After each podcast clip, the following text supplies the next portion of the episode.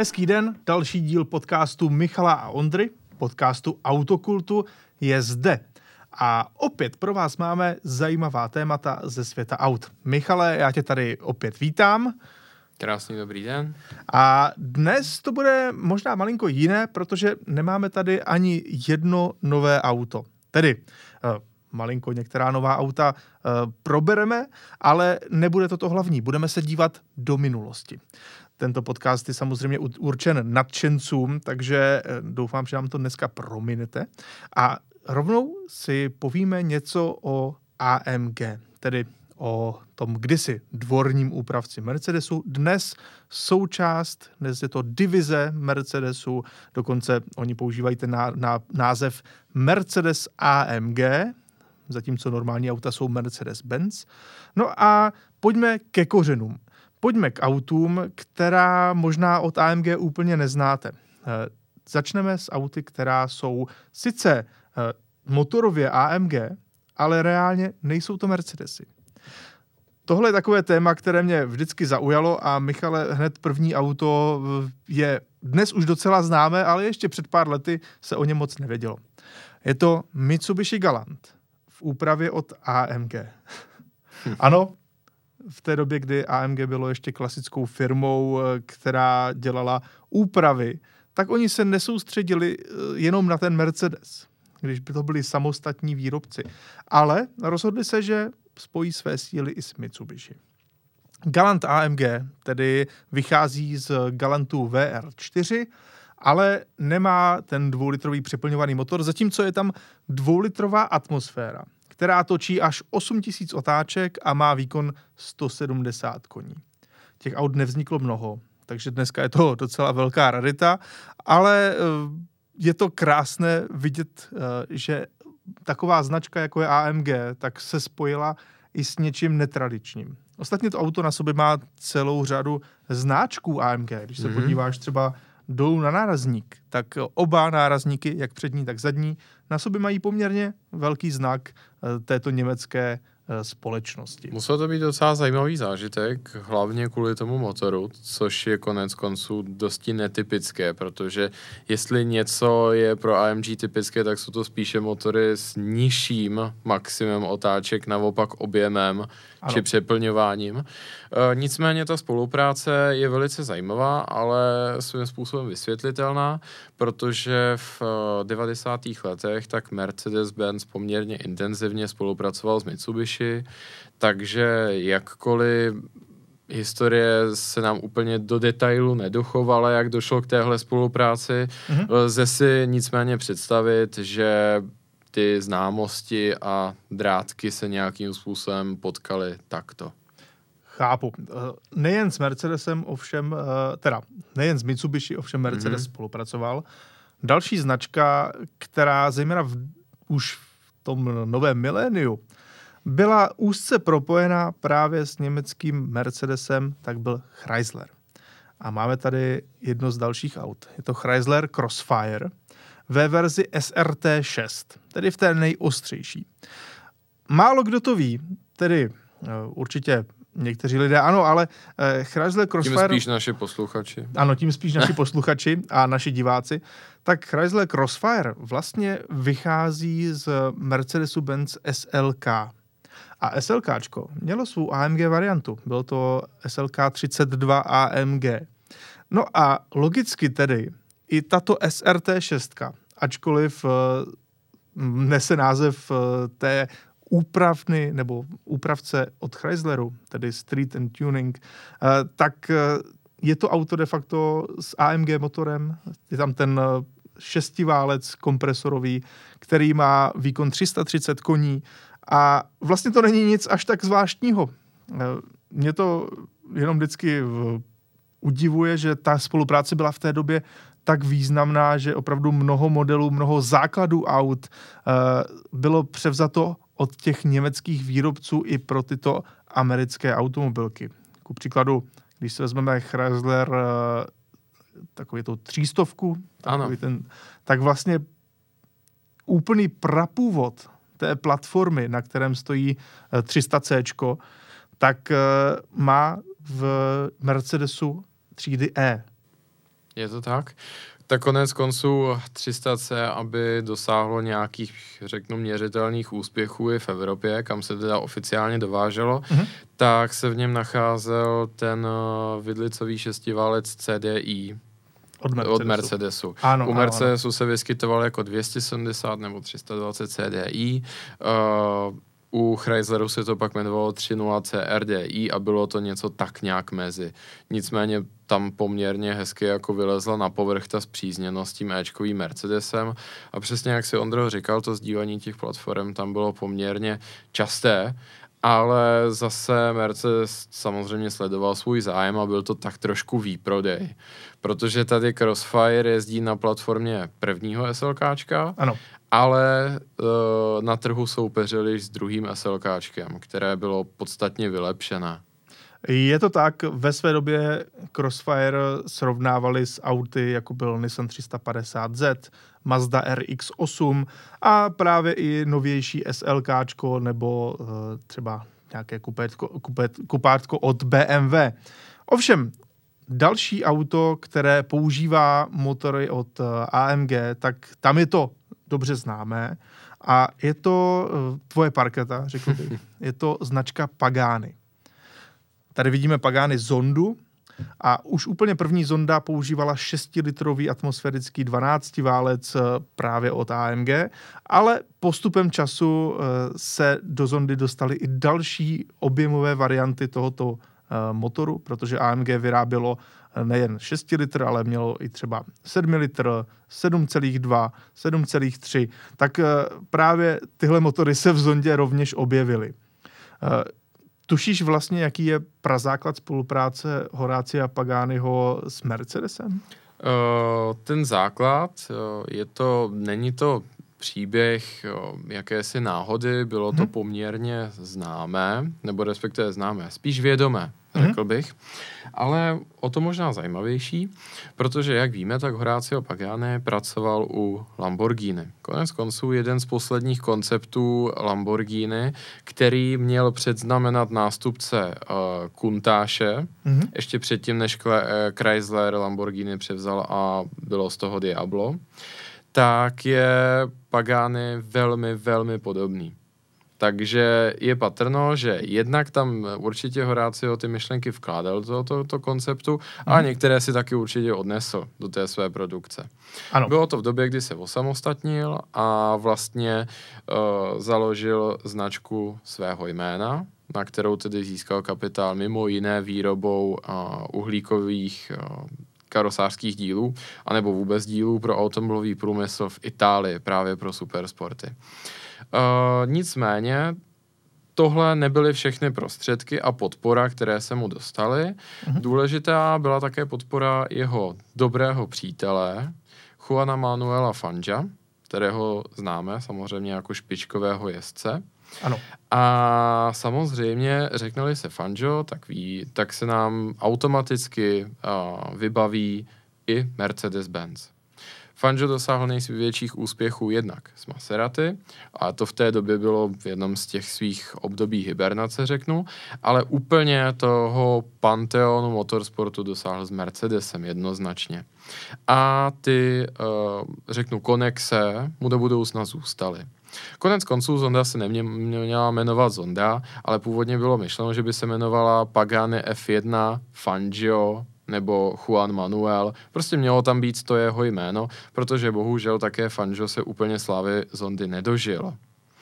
Nicméně uh, Horácio Pagani měl velice detailní představu o tom, jak bude vypadat časí, a co se týče motoru, tak normálně zkrátka dobře vyrazil na nákupy. Snažil se u automobilek, větších automobilek, než je on sám, jelikož nutno uznat, je to také jako šikovný obchodník, který stojí nohama na zemi, tak si uvědomil, že není v jeho silách vyvíjet úplně nový motor, jelikož by ho to zdecimovalo a výsledek by byl nejistý.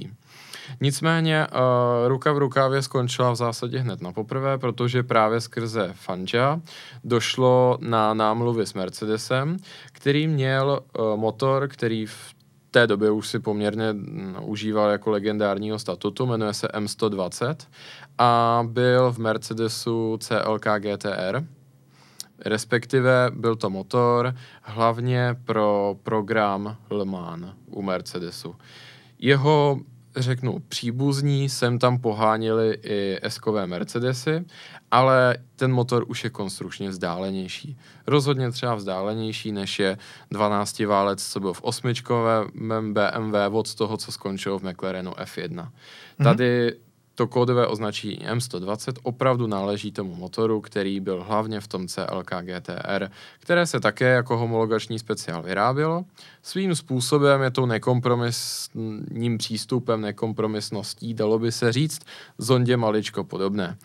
A právě tímhle s tím partnerstvím a vlastně přátelstvím s Fangem a přátelství Fanja s Mercedesem ten motor v Zondě skončil a ta evoluce byla opravdu fantastická a hlavně celou dobu to bylo opravdu ruku v ruce. Není to tak, že by Pagani získal práva na ten motor a pak už si s ním dělal, co chtěl. Uh, a Falterbach, čili továrna, kde se tyto motory skládaly, uh, a Pagane, sídlem nedaleko Modeny, skutečně celou dobu spolupracovali. A ten motor začal na 6 litrech mm-hmm. a poměrně skromných 400 či 450 koní podle naladění.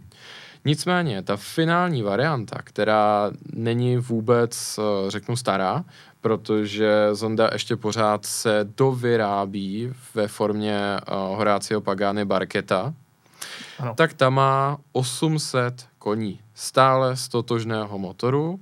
V té poslední iteraci má 7,3 litru. To je opravdu maximum. A je to stále atmosférický motor. Je to stále což je atmosférický motor. Velmi úctíhodná. A krásná ještě taková perlička, co se k tomu dá říci, je, že pokud se nepletu, tak bez výjimky všechny ty motory v zondách složil jeden jediný člověk.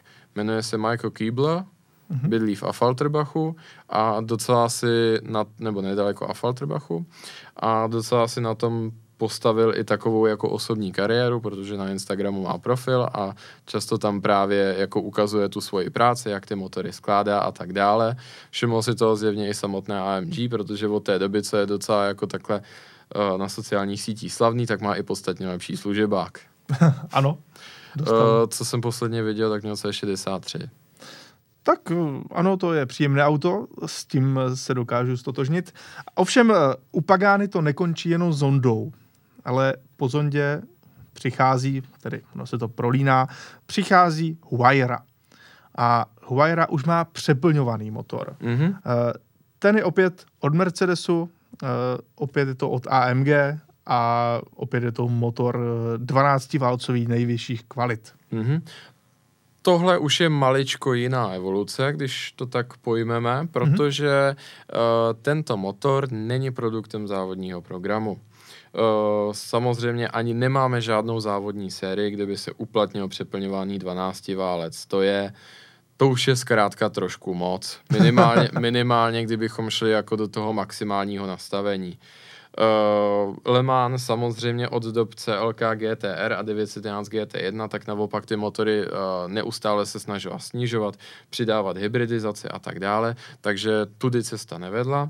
Stejně tak nebylo v zásadě možné homologovat Wireu uh, s tím původním motorem M120, mm-hmm. nebo respektive s tím jeho dalšíma evolucemi, on se to pak jmenoval M297 v té vrcholné variantě. E, nicméně e, bylo nutné použít motor jiný, ale Horácio stále chtěl 12 válec, leč Mercedes právě už měl tento přeplňovaný. Vyskytoval se v těch e, AMG, které měla ta vlastně nejhonosnější písmenka 65. Byť pro použití Horáciem Pagánem je tam těch změn opravdu, opravdu hodně. Uh, on konec konců i preferoval tenhle ten motor, nebylo to žádná znouzectnost, nebo že by jim prostě vzal zavděk, protože to jinak nešlo. Mm-hmm. To z toho důvodu Vajra je v jednom z jazyků původních obyvatel Latinské Ameriky vítr, a to auto má hlavně reprezentovat jednak krásu, ale jakousi jako nenucenost pohybu k čemuž se ten přeplňovaný charakter hodí a konec konců i kvůli tomu Pagátny na schvál nějak zvlášť neskrýval ten zvuk odfouknutí obtokového ventilu, když uh, člověk sundá nohu z plynu a ta turba vypustí ten přebytečný tlak, který nešel jako do spalovacích komor. Tohle z toho on sám tvrdí, že všechno dotváří tak nějak jakoby tu jeho vizi auta, které má splývat s větrem a být mu podobné. To zní velmi krásně, nutno říci. Je pravda, že Horácio Pagani je takový uh, automobilový, uh, řekl bych, uh, umělec to v prvé je. řadě. Konec konců v té, uh, on uh, všechna jakoby moto své automobilky a všechno, co činí, tak vlastně se snaží vyjádřit heslem uh, umění a věda. A všude, všude v té fabrice jsou nějaké odkazy na Leonarda da Vinci, kterého on považuje jako za největšího Itala a svůj vzor. Takže skutečně, jak říkáš, on to bere tak, že prostě tvoří umění a byť některá ta řešení prostě trošku omezují použitelnost toho auta, tak jeho to netrápí. To prostě má být eh, dle jeho přesvědčení to nejdokonalejší, co je dosažitelné, to nejlepší. Jestli to prostě někdy trošku omezuje užitek z toho auta a zdá se to být nerozumné, to je mu prostě jedno. Všude máte titanové šrouby a i závěsy kapoty jsou prostě z nejlepší italského vězí kůže. Normálně se to používá jenom na pásky na hodinky. Jeden stojí desítky tisíc, ale to je jedno. Je to prostě to nejlepší a on je umělec. Ano, to je velmi výstižné. Ovšem, eh, motory AMG se dodávaly, nebo dodávají v současné době i do jiného segmentu, respektive uh, opět jsou to auta supersportovní, sportovní, uh, někdy i vysokovýkonná SUV. Je to značka, o které jsme se tady bavili před několika týdny velmi intenzivně, doporučuji si to vyhledat. Je to značka Aston Martin. Michale, uh, tady už se používají ty klasické, moderní, současné motory. Přesně tak. To, co tvoří vlastně základ nabídky AMG, tedy 4-litrový osmiválec. Když bychom byli trošku zlí, tak bychom mohli říct, že vlastně díky tomu se V8 Vantage uh, stal sourozencem AMG GT. ano. Protože obě jsou to, oba jsou to vlastně auta, které mají motor vepředu, nebo respektive za přední nápravou a pohon zadních kol. A vzhledem k tomu, že do obou musí pasovat ten týž motor, tak i ty závěsy toho motoru jsou dost podobné a tím pádem ta přední skupina takzvaně toho auta bude opravdu hodně podobná. Samozřejmě ten zbytek už je jiný, hlavně i celkově ten design a tak, ale tím se k sobě ta auta hodně přibližují. Dovolím se udělat jakoby na nás reklamu, pokud byste se chtěli dozvědět do detailu, jak se tohle všechno stalo, jakou roli v tom hrál bývalý šéf AMG a mm-hmm. hlavně Lawrence Stroll, tak přelistujte o pár podcastů zpátky, všechno se to dozvíte, včetně toho, jak je na tom Aston Martin aktuálně finančně a proč tohle všechno dělá. A další vůz, kde tento motor je použitý, je to nejnovější, největší SUV, respektive první SUV od Astonu, tedy DBX, což je auto, od kterého si samozřejmě Aston hodně slibuje, zejména co se týče té finanční injekce. A tady zase můžeme škarohlicky říci, že to je takový uh, Mercedes, řekněme, Eh, GLE AMG nebo GLE Coupé. Tady už těch rozdílů vidím trošku víc. Ano, ano. to je velmi škarohlicky řečené, mm, protože tady, to není pravda. Jo, jo, tady už hodně zapracovali na té karoserii, aby mm. byla jiná třeba, protože jejich cíl je Cayenne Turbo anebo Bentley Bentayga, kdežto GLE na to jde spíš jakoby od spoda, že to je dělané na čtyřválec a pak tam vlastně čirou náhodou tam skončila i ta 63, takzvaně, což je ten 4.0 V8, ale když bychom takhle chtěli být zlí, tak bychom řekli, že je to DBX63, protože ten motor jako v eh, řeči Mercedesu je 63. Teď se teda objevila nedávno i nejvýkonnější varianta, která má mm-hmm. přes 700 koní a je teda nutno říci, že podle prvních testů je to opravdu rychlé auto, minimálně v přímce. Ještě aby nebylo. Ano, ještě aby nebylo naprosto máš pravdu. Eh, tudíž eh, AMG ovlivňuje celý ten svět automobilů v mnoha ohledech, eh, byť to původně byla de facto nějaká tuningová dílna, když to řekneme opět trošku mm-hmm. škaredě. Dnes se to vyvinulo v jistý kult, fenomén a v dodavatele těch nejlepších motorů, respektive těch jedných z nejlepších, nejzajímavějších motorů, které dneska na současném trhu máme. A Michale, já si myslím, že tímhle jsme ukončili tohle téma mm-hmm. vozů, které mají motor AMG, ale nejsou to Mercedesy. A můžeme se vrhnout na jiné zajímavé téma, které podle mě je takové nadčasové. To se v posledních eh, pěti, deseti letech řeší neustále a pořád se objevují nové a nové vozy, které do této kategorie spadají a je to, řekněme, v dnešní době čím dál oblíbenější to téma. Je to dané i současným vývojem uh, celého světa, dejme tomu. A toho, že lidé začínají malinko třeba investovat, uh, chtějí ty své peníze zhodnotit, chtějí uh, si dělat radost auty, ale ne na úkor toho, a, aby na tom vyloženě vykrváceli. No jednoduše, podíváme se na auta, která podle nás budou cenově růst, ale jsou to auta, která dnes stojí do půl milionu korun. Když to tak vezmeme, tak tohle téma opět zařazujeme i kvůli tomu, jak je divácky populární, vás všechny bavilo a my si toho vážíme. Uh, jeden, jedno video vlastně tady už na to máme, taková speciálka, ano. ale už mu bude brzo rok a samozřejmě uh, ten trh se proměňuje velmi dynamicky v tomhle z tom ohledu. Uh, je to spíše, než že by některá auta padala nebo se úplně nenaplnila ta očekávání, tak spíše přibývají nová a nová. A je to přesně tak, jak jsi říkal. Ta automobilová kultura kolem takzvaně youngtimerů žije, je to čím dál silnější a můžeme za to být rádi. A to, že vlastně veškerý ten zájem vyvolává i růst cen, můžeme vnímat jako takový pozitivní vedlejší dopad. Eh, do detailu jsme právě šli v tom videu předchozím, kdy vlastně i říkáme, jako čeho se vyvarovat, co naopak vzít. Nicméně dneska se budeme věnovat zase pár takovým zajímavým typům, eh, na které, eh, na které by měla být upřena vaše pozornost, pokud se chcete hezky svést a zároveň eventuálně uh, nestratit peníze nebo i naopak zmnožit.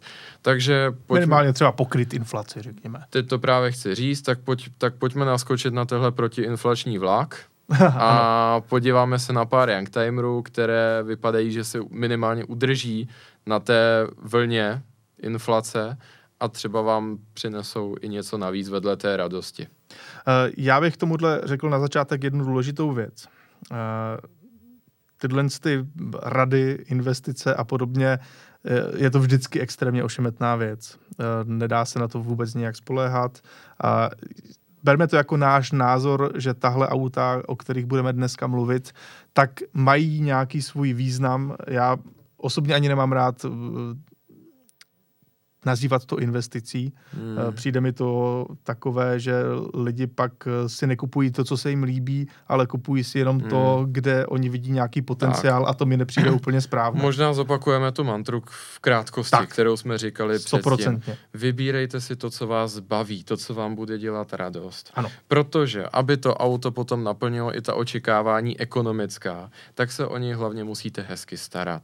Pokud vás to nebaví a to auto není blízké vašemu srdci, nebudete se o něj starat a pak na něm spíš proděláte. S tím souvisí další věc. Eh, to auto by mělo být v dobrém stavu. Ideálně původním, ideálně nebourané. Eh, auto, které opravdu eh, má nějakou tu hodnotu v tom světě a není to jenom už soubor náhradních dílů. Přesně tak. Špatně.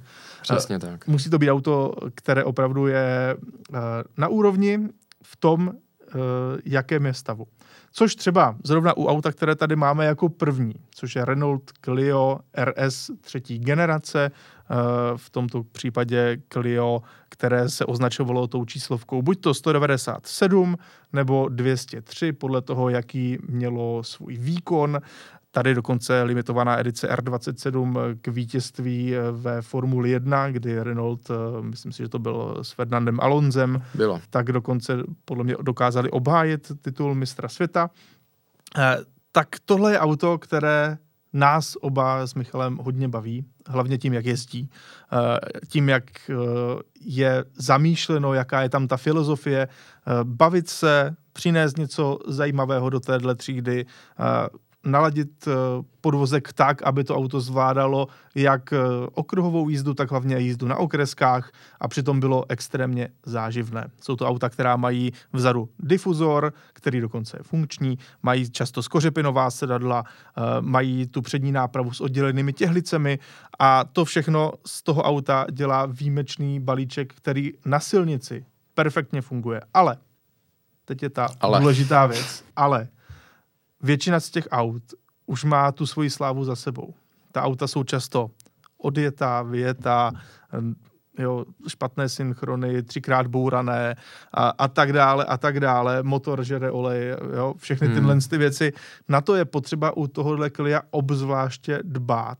Takže pokud se vám tohle auto líbí a nechcete ho jenom jako takovou tu věc, do které budete spát peníze za veškerý servis a, nebo to je samozřejmě potřeba vždycky, ale nebude to auto, které už samo o sobě v tom prvotním stádiu je vrak. Možná byste dalo říct, ne, nechc, jako nekupujte auto, které vyrobíte znova. Tak, přesně tak.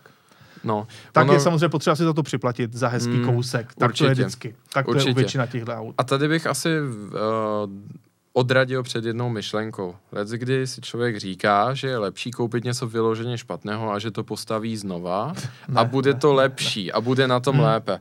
Ne, to ten u trh nefunguje. Ne, vůbec. Ten trh je poměrně dokonalý, jo. A nedá se na něm, když to tak řeknu, čítovat a jakoby skákat na skrz. Nedá se jakoby naskočit na ten vlak oblíbenosti nějakého toho modelu za levno a pak se najednou dostat do té vrchní desetinky těch nejlepších kusů. To v zásadě nejde.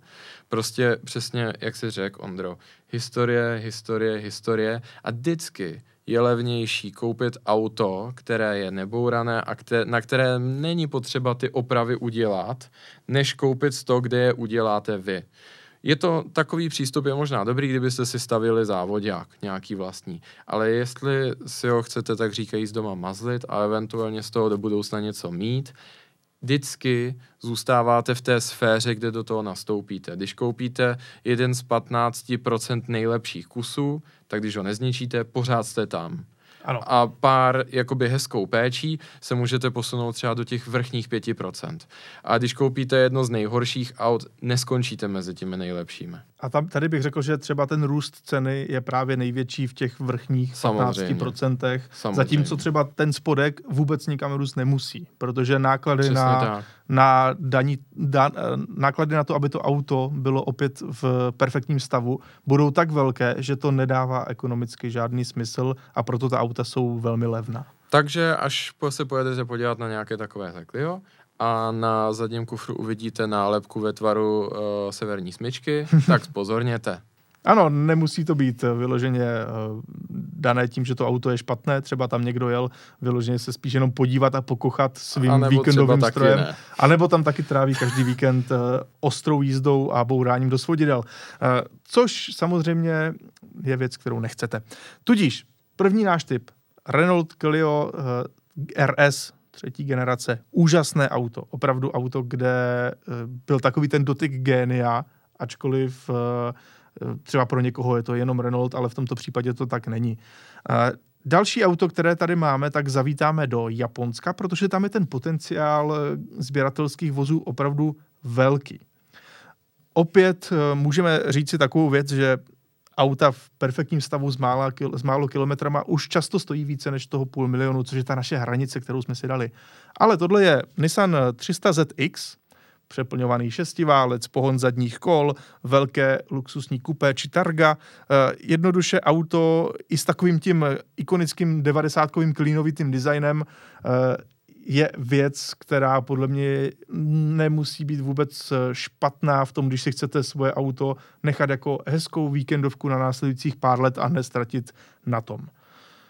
Michale, já asi v, předpokládám, že ty s tím souhlasíš, že přesně tyhle ty japonské stroje jsou teďka uh, v kurzu. Je to tak, tak uh, hlavně uh, v tom jsou vlastně širší, tohle jsou konsekvence hmm. nějakých, řekněme, širších vztahů a vývoje. Je to hlavně kvůli tomu, že do toho produktivního věku se dostává řeknu naše generace, Ano. což jsou lidé narození v 80. a 90. letech, pro které uh, tato auta byly ikonami.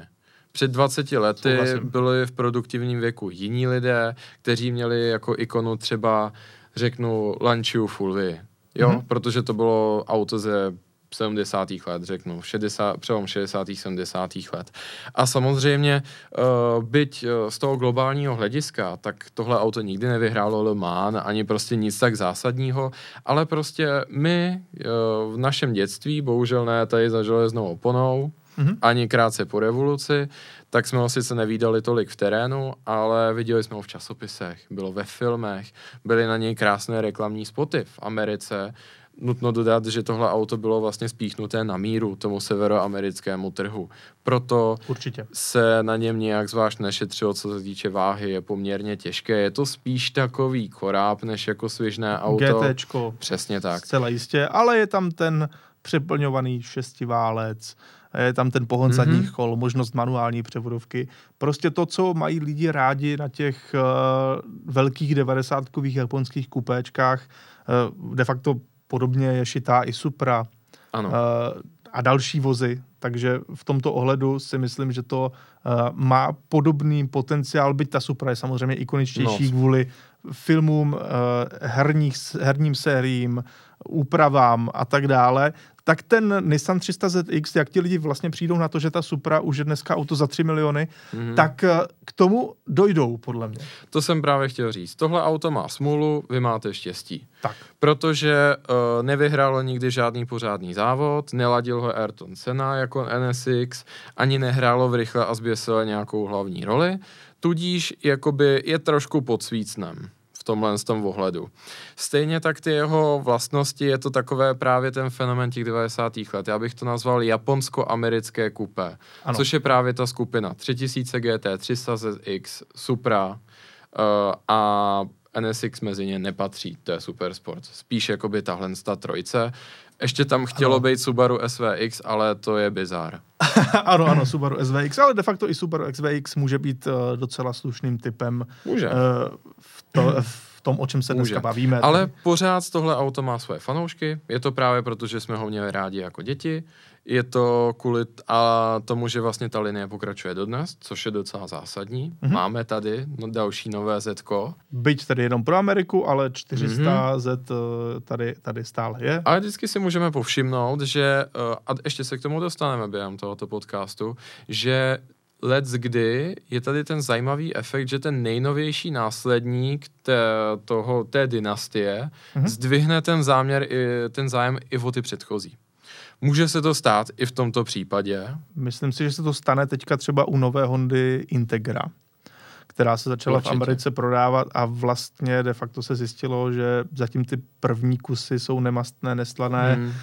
Eh, Je tam jedna pětka ze Civicu, je to trošku neúplně důstojný nástupce Hmm. toho, co známe pod pojmem Integra, takže předpokládám, No, že teďka právě. třeba uh, Honda Integra zažije velký růst a to je taky další auto, které do téhle sekce můžeme zařadit. Mhm. Mm-hmm. Byť třeba už ty hezké kusy jsou na té vrchní hranici toho, o čem se tady bavíme. Často i ty pochyby. už. To bez pochyby. Co se týče 300 ZX, možná ještě takové dvě jako jednoduché rady, co se Mhm. týče toho výběru. Uh, můžete narazit na evropskou verzi, můžete narazit na americkou verzi. Americká verze bude vždycky levnější, ale pokud je ten uh, cenový bod správný, asi není úplně důvod se jí stranit protože majorita těch aut stejně byla do Ameriky, samozřejmě ta evropská bude cenější. Uh, další věc, ten motor um, skrýval určitý tuningový potenciál, ale na rozdíl od Skylineu a Supry to nenese dobře.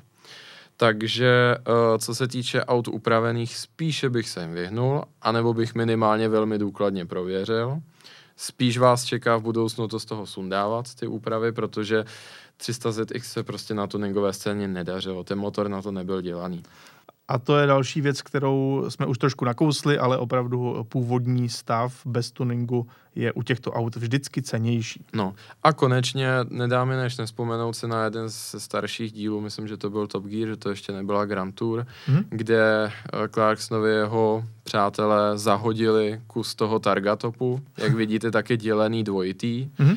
Za předpokladu, že je ten Targatop špatně, anebo není přítomen vůbec, je to drahé to se špatně schání, protože je to prosklené, eh, jak ten zámkový systém se špatně opravuje, ale budíš.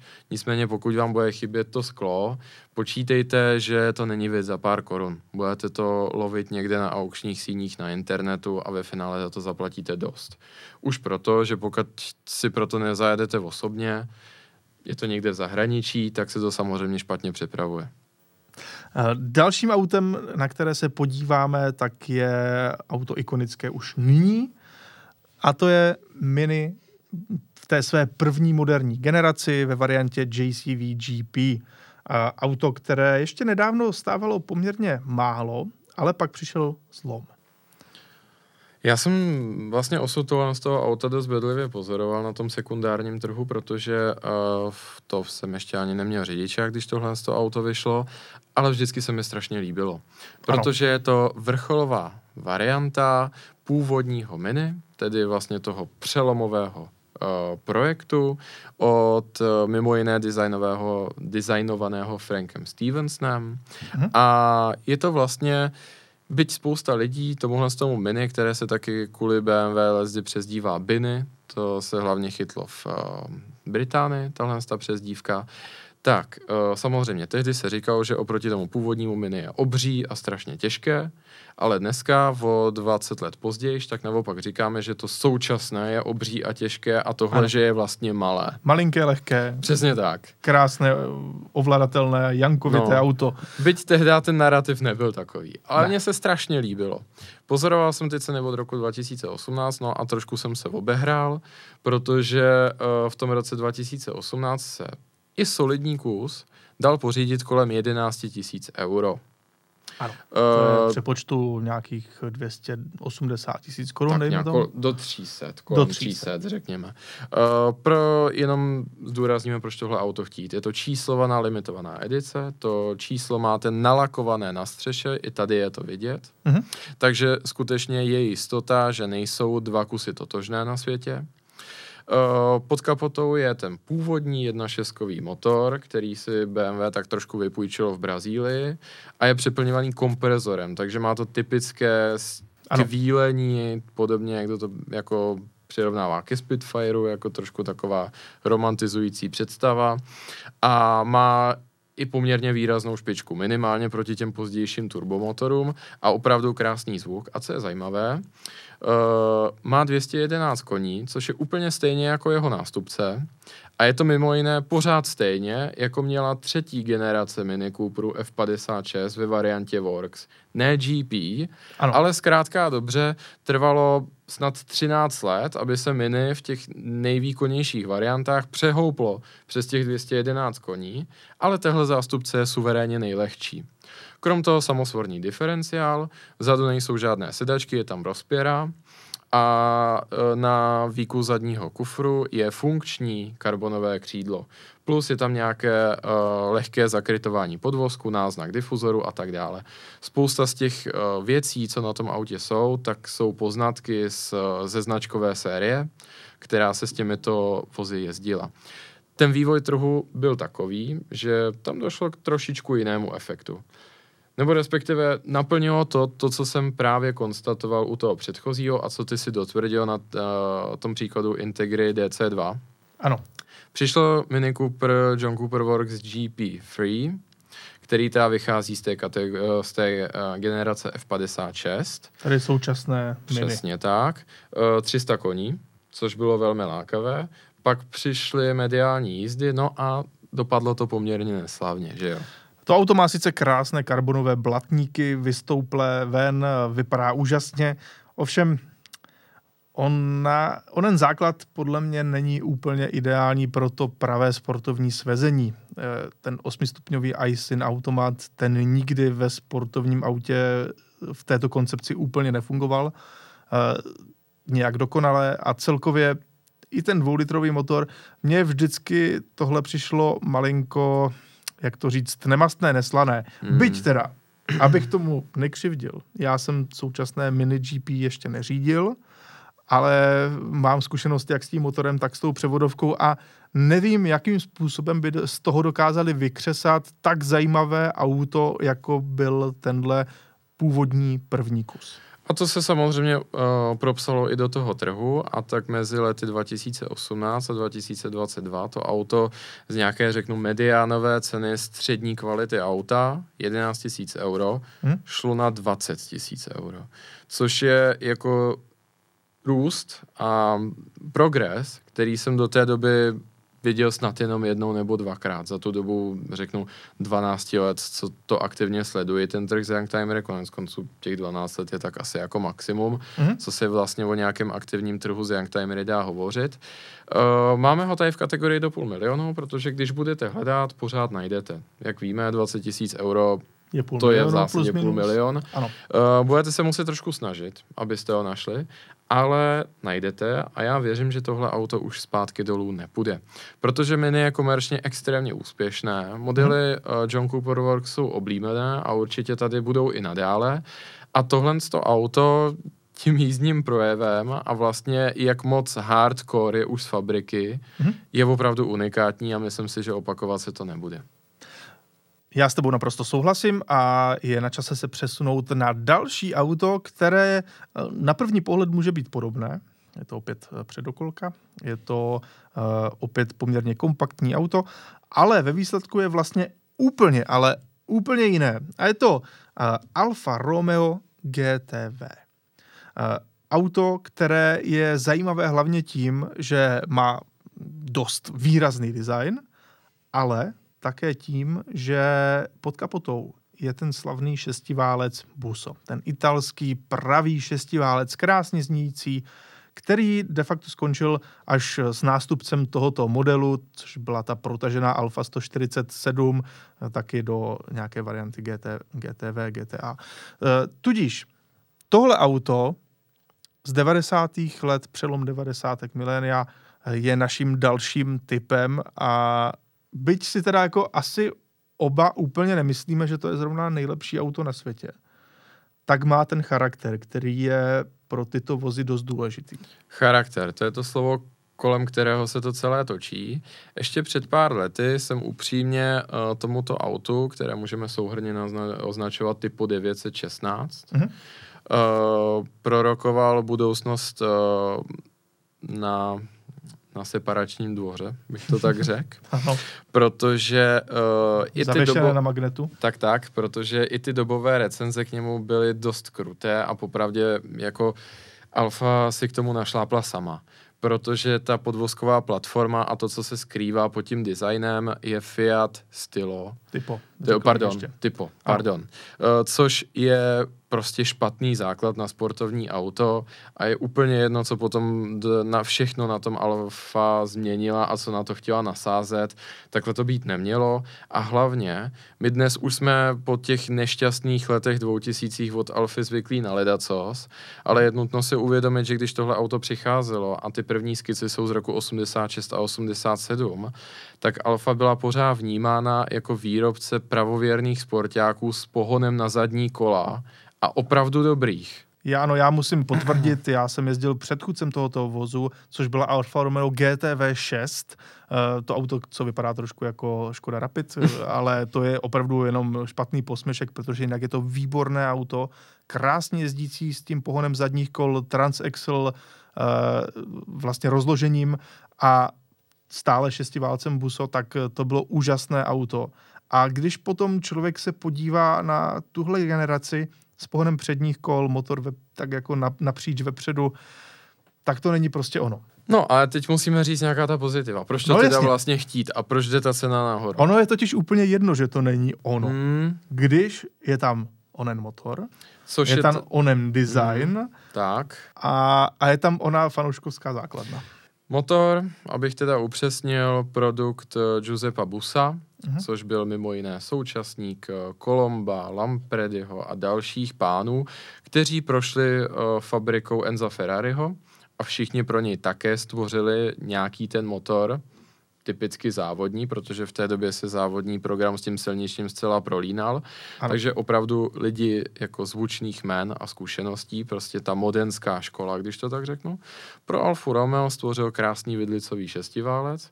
Ten motor je teda, uh, odkaď pramení ten charakter, mm. je úžasný na poslech, Protože i ty vibrace, které se šíří tím autem, to všichni říkají. I ti nejzarytější majitelé a podporovatelé toho auta přiznají, že to ovládání není ideální. Ale tam jde o to, že prostě tím autem na tu zatáčku neútočíte. To si prostě vyberete tu rovinku mezi těmi zatáčkami a poslechnete si ten nádherný zvuk toho motoru jak procházíte těmi kvalty to auto jsem slyšel, vím, jaké to je a jako nelze než s tím souhlasit. Nemluvě o tom, že když otevřete tu kapotu, tak ten motor má nádherné leštěné svody a červené ventilové víko. Prostě to se nevidí. Jako je takhle, to umění. takhle nádherný motorový prostor, to se nevidí ani u aut, které jsou 20násobně tak drahé. A nevidělo se to ani před 15 lety a nevidí se to ani teď. Jako to vizuální zpracování toho motoru si myslím, že si upřímně z Ferrari třeba nezadá. Jako, Co pardon, myslím? ale jako Ferrari mám s ním velmi blízkou zkušenost, ale je to tak. Tady se Alfa překonala. Je to takový ten typický italský schizofrenický přístup, kde někam prostě naperu ten nejlevnější ovladač, který nefunguje už na autosalonu, ale někde prostě nechám skoro celý ten svůj budget jako na ten vývoj toho auta. Pak samozřejmě design. Uh, myslím si, že chvíli vypadal spíš zvláštně, ale teďka, když souhlasím, se, teďka... ale zpětně to dozrává. Dozrává. Mimo jiné, uh, není to taky jen tak, je to projekt uh, Valtra de Silvy, slavný designér, uh, který tedy hlavně řeknu uh, svá nejvě- léta největší slávy a vlastně největších poklon se mu dostal u Volkswagenu, navrhoval Seaty, Audiny, Volkswageny, všechno možné, ale samozřejmě působil také v Itálii a tohle je jeho dílo. Obzvlášť za mě, co bych asi na tomhle autě trošku vypíchnul, opravdu nadčasová je ta zadní partie, kterou tady nemáme, to si dohledáte, uh, s tím takzvaným unilightem, neboli světlem, které je v podobě pásku přes celé auto a ke kterému se mimo jiné v dnešní době zase vracíme. Souhlasím, navíc to auto má ten klínovitý design, opravdu to jak šipka a i ta příď má vlastně de facto po těch letech svoje kouzlo, kde se vlastně otevírá ta kapota i včetně těch uh, světlometů de facto, ono to teda nejde takhle říci, ty světlomety tam zůstávají, ale kapota se otevře uh, celá, vypadá to velmi nekonvenčně a ano, musím říct, že to auto navíc má ty, ty ikon, ta ikonická kola, která prostě k Alfa Romeo patří. Takže ano, po letech, kdy se mi to auto hrozně dlouho nelíbilo, tak teď mu začínám přicházet na chuť a musím uznat, že to kouzlo tam je. Jdeme ovšem dále a opět to bude auto, které je tobě blízké, byť z japonské produkce, a to je Mitsubishi 3000 GT. Auto extrémně technicky složité, pokrokové na svou dobu. Eh, potom samozřejmě malinko to opět šlo do toho eh, zapomnění, mm-hmm. ale teď se to vrací eh, s tím, jak ceny opět začínají růst a jak lidé začínají obdivovat, co to auto ve své době všechno umělo, tak 3000 GT je opět na výsluní, řekněme. Tak, uh, úkolem 3000 GT bylo uh, etablovat svého výrobce, tedy Mitsubishi, na trhu uh, a dokázat, no hlavně tomu se v americkém, ano, a dokázat, hlavně. že uh, ten jejich technologický náskok je nezlomitelný a že opravdu umí dělat luxusní, rychlá auta. Myslím si, že mise se povedla. Mimo jiné jedním ze slavných uh, milovníků tohoto auta je český polobůh Jaromír Jágr, který ano, ano. ho měl v černé. Uh, jsou známé fotografie vlastně, jak přijíždí uh, směrem z Brooklynu do New Yorku. Za sklem je uh, panorama uh, Manhattanu a on je právě tak pra, vzhledem k tomu, k čemu to auto bylo stavěné, naprosto adekvátně rozvalený za tím volantem a jenom tak jako ležérně levou rukou drží ten věnec. Hm. Tomuhle to bylo, k tomuhle bylo to auto stvořené. Mm-hmm. To prostě není auto na okruh a nikdy nebylo. Pro hm. jeho jediný problém je, že tak vypadá. A proto let, kdy ty recenze tehda a to auto bylo přijímáno se smíšenými pocity, protože uh, si od něj spousta těch recenzentů odborné veřejnosti slibovala uh, NSX od Mitsubishi, jenže tak to vůbec nebylo. Tohle auto skutečně mělo radikální design, to ano, ale jinak to bylo opět to japonsko-americké GT ale do vínku to dostalo spoustu neuvěřitelných věcí. Je v tom teda uh, tříletrový šestiválec, označovaný Mivek, Twin Turbo v té vrcholné variantě. Má to, je časování ventilů. Přesně tak. Má to 300 koní, nebo respektive v zásadě podle té gentlemanské dohody 200 kW. 280 udávaných, že jo? Přesně ale, tak, ale, ale reálně víc. Reálně tam bylo kolem 300.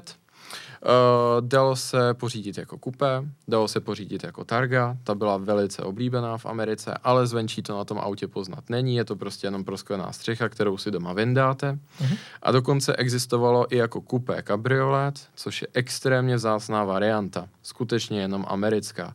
No ale konečně, co se týče těch technické výbavy.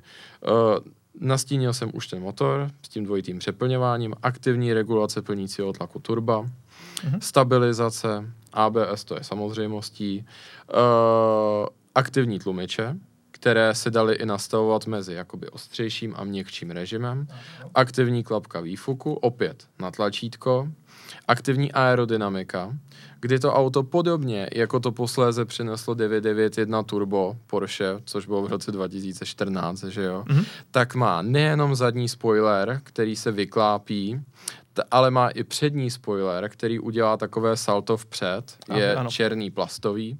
Bohužel, kdybyste to auto vybírali, dávejte pozor, aby tam byl a byl funkční.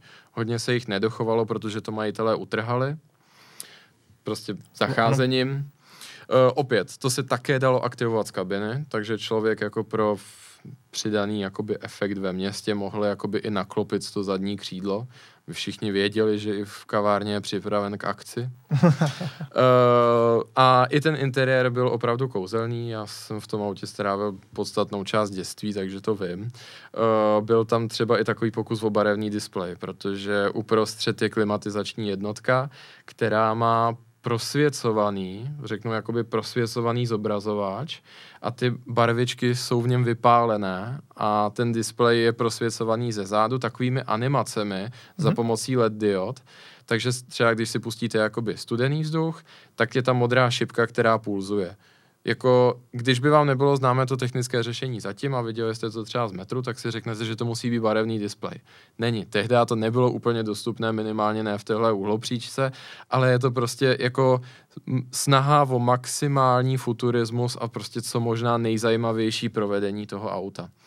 Jeho slabina nicméně, jo a samozřejmě natáčení zadních kol. A pohon všech kol. A pohon všech kol. Opět adaptivní, všechno. Takže to prostě je velice snadný i na to zapomenout, protože na tom autě toho bylo opravdu strašně moc.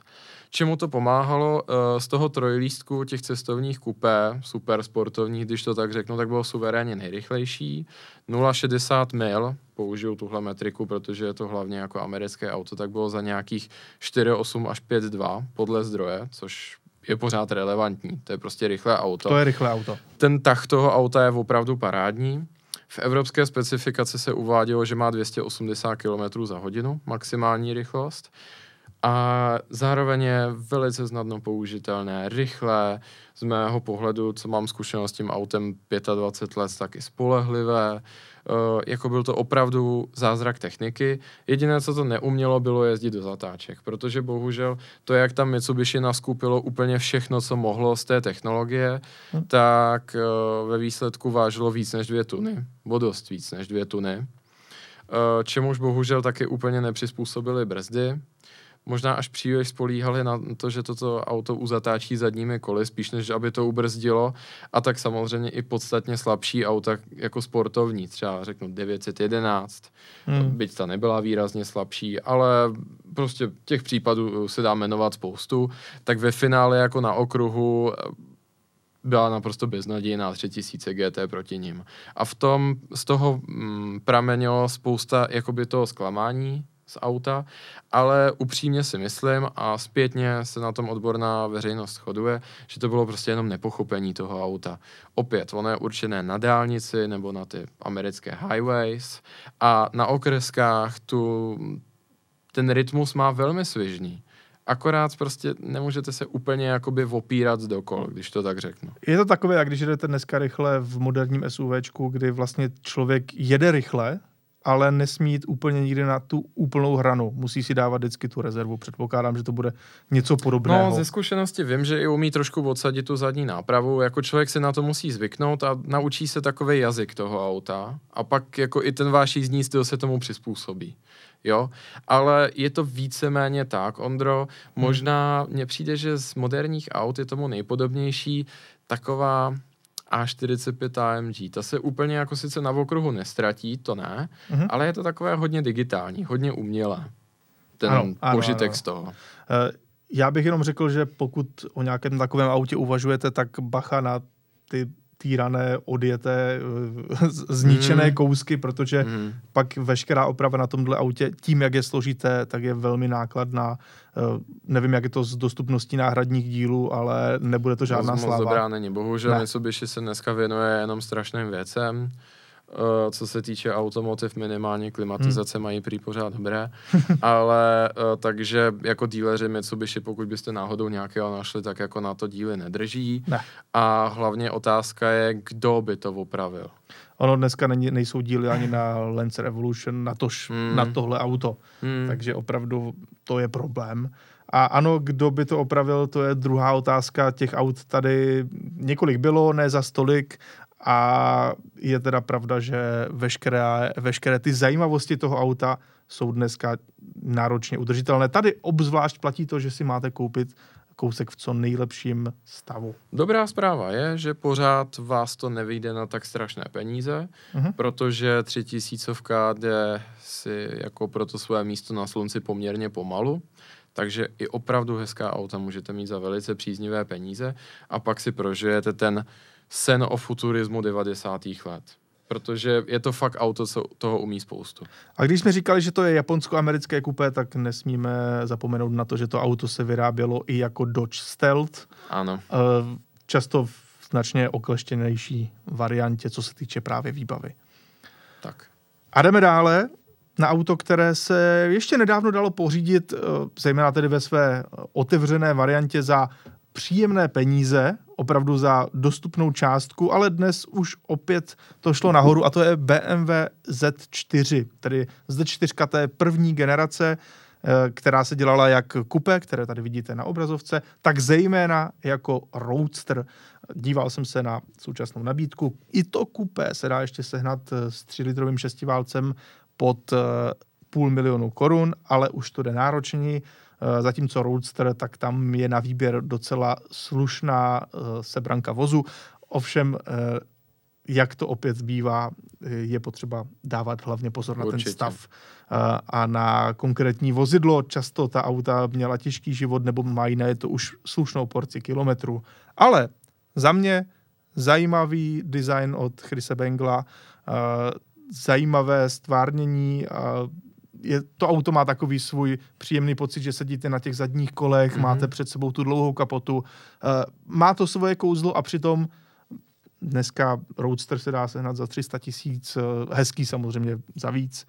Tak uh, je to auto, které rozhodně si zaslouží naše doporučení. U toho kupé hlavně bych fakt neváhal, protože uh, co do počtu vyrobených kusů, tak hmm. je jich opravdu málo, minimálně proti tomu Roadsteru. Takže svým způsobem je to taková anomálie v tom výrobním programu BMW. Mm-hmm. Uh, u té předchozí generace také Z3M. Taky uh, kupéčko rov, jako kupé. Ano, to rovněž. už stojí opravdu peníze. A co bych teda určitě dal uh, dobru Z4 i ve variantě kupé je, že Z3M si vysloužilo to trošku jako dloubavé označení klaunova bota, Mm-hmm. A ono fakt tak trošku vypadá, jako je disproporční to kupé. Ale ta Z4 kupé, nemůžu si pomoct, ale prostě je to líbivé, protože to už je docela, je v tom patrná ruka Chrise Bengla. A i ty zadní partie, kde je vlastně naznačený tak jako maličko ten kachní odsaz, přijde mi, že s tím úkolem nelehkým jak z Roadsteru vyrobit kupé, se popasoval opravdu s grácí a to auto stárne velice hezky. Pořád Souhlasím. je na to hezký pohled a bude to už jenom lepší. Mně se zadní partie tohohle auta vždycky neskutečně líbily, Hmm. takže já jsem v tomhle naprosto za. A je potřeba říci, že samozřejmě, když je to M kupé, tedy ze 4 M kupé, tak ta cena už je dneska taky velmi vysoká. Ale eh, s tím klasickým 3-litrovým šestiválcem, který je mimochodem velmi dobrý, eh, má nějakých těch 260 koní, tak to auto se stále dá pořídit ještě poměrně rozumně a je to auto, které vám udělá radost, má krásný zvuk, je to kompaktní kupéčko s manuálem, je to prostě všechno, všechno Hmm. tak, jak by mělo být a za půl milionu rozhodně dobrá koupě. A skvělé je, že tohle i velice dobře oservizujete. Protože na to díly skutku jsou. BMW Nejsou Autos... zase tak drahé. B- ta přesně tak. BMW autosalon je snad úplně všude Mhm. aktuálně a BMW i vzhledem k tomu, řeknu, germánskému přístupu, tak prostě ty díly na to drží. Nevím, jestli je tam nějaká výjimka, ale opravdu tohle by neměl být problém servisovat. Je na to i spousta nezávislých dílen, takže tady můžeme naštěstí ten problém těch předchozích odhodit za hlavu. No a na závěr tady máme poslední doporučený vůz, eh, tentokrát z trošku jiné kategorie. Zatím jsme se věnovali převážně sportovním modelům, ale on eh, svůj velký z, růst často zažívají i vozy kategorie offroad, což jsou opět ikonické stroje a mohli jsme zvolit třeba některý z Land Cruiserů, my jsme dali přednost první generaci Range Roveru, což teda nutno říci, je eh, varianta pro, eh, řekněme, kutily, nebo pro lidi, kteří se nebojí eh, ani ne tak jako kutilství, ale nebojí se do toho svého auta nasypat peníze. Já bych možná řekl až limitně trošku fetišisty. Ano, ano, ano, může být i, takovéto označení. Každopádně první Range Rovery jdou velmi do módy, jsou to auta, ze kterých se staví hodně rest mody, jsou to auta, která už dneska vypadají opravdu ikonicky, eh, dali nějakou tvář své kategorii, ve které jsou. Takže první Range Rover za nás rozhodně je auto, které doporučujeme a jde už jenom o to zvolit opět auto, které nebylo naprosto zhuntované. To bude naprosto klíčové, ale u toho Range Roveru asi nemůžeme poradit, abyste si vybrali auto bez chyb, protože takový neexistuje. Ne. Každý Range Rover má chyby a, A pokud jestli... nemá, tak je to auto po renovaci nebo auto, které uh, někde stálo celý život a No. dneska stojí v řádech miliony, milionů korun. No. A je, nebo jestli ji nemá, tak si ji do pěti minut vypěstuje. Takže bohužel jakoby tohle jsou nespolehlivá auta, ale jak říkám, je v tom i to nadšenectví až fetiš pro ten britský automobilový průmysl a jako toho charakteru má opravdu na rozdávání plnými hrstmi. Právě jak se říkal, to je jeden z těch dalších fenoménů na tom trhu, kdy vlastně ceny všech exemplářů pozvedne nějaký restomoder. Prostě firma, která se systematicky zabývá přestavováním těch aut v lepší varianty sebe sama. Samozřejmě v tento moment vám tady nedoporučujeme ten restomod, protože to by nebylo 500 tisíc, to by bylo 5 milionů. Jako, Minimálně, ano. Tak, ale už to, že někdo loví v těch vodách ojetin ten potenciální základ a někdo, když to tak řeknu cool, jako třeba Beckhamovi nebo prostě uh, kalifornské celebrity se v tom restomodu objeví, tak to celkově ten kredit z toho auta žene nahoru. A pokud i vy budete mít krásný kousek doma, nebo se o to minimálně postaráte, aby byl hezký, tak prostě tak trošku patříte do toho kultu. Stoprocentně a touhle bombou bychom mohli ukončit Mhm. dnešní podcast. Eh, Já moc děkuji, že jste nás sledovali či poslouchali, v závislosti, jestli nás slyšíte na podcastových platformách nebo se díváte na YouTube. Napište nám do komentářů i svoje tipy na auta, která podle vás budou cenově růst a zachovají si nebo nabidou nějaký ikonický status. A těším se zase za týden, protože náš podcast vychází pravidelně, takže podcast Autokultu Michala s Ondrou tady bude pro vás i příští středu. Eh, Já ti děkuji opět, Michale, že jsi tady se mnou eh, byl a že jsme si mohli takhle hezky popovídat o tom, co nás baví a pro vás, pro všechny, eh, mějte se hezky, užijte si týden a zase příště na viděnou a naslyšenou. Budeme se těšit.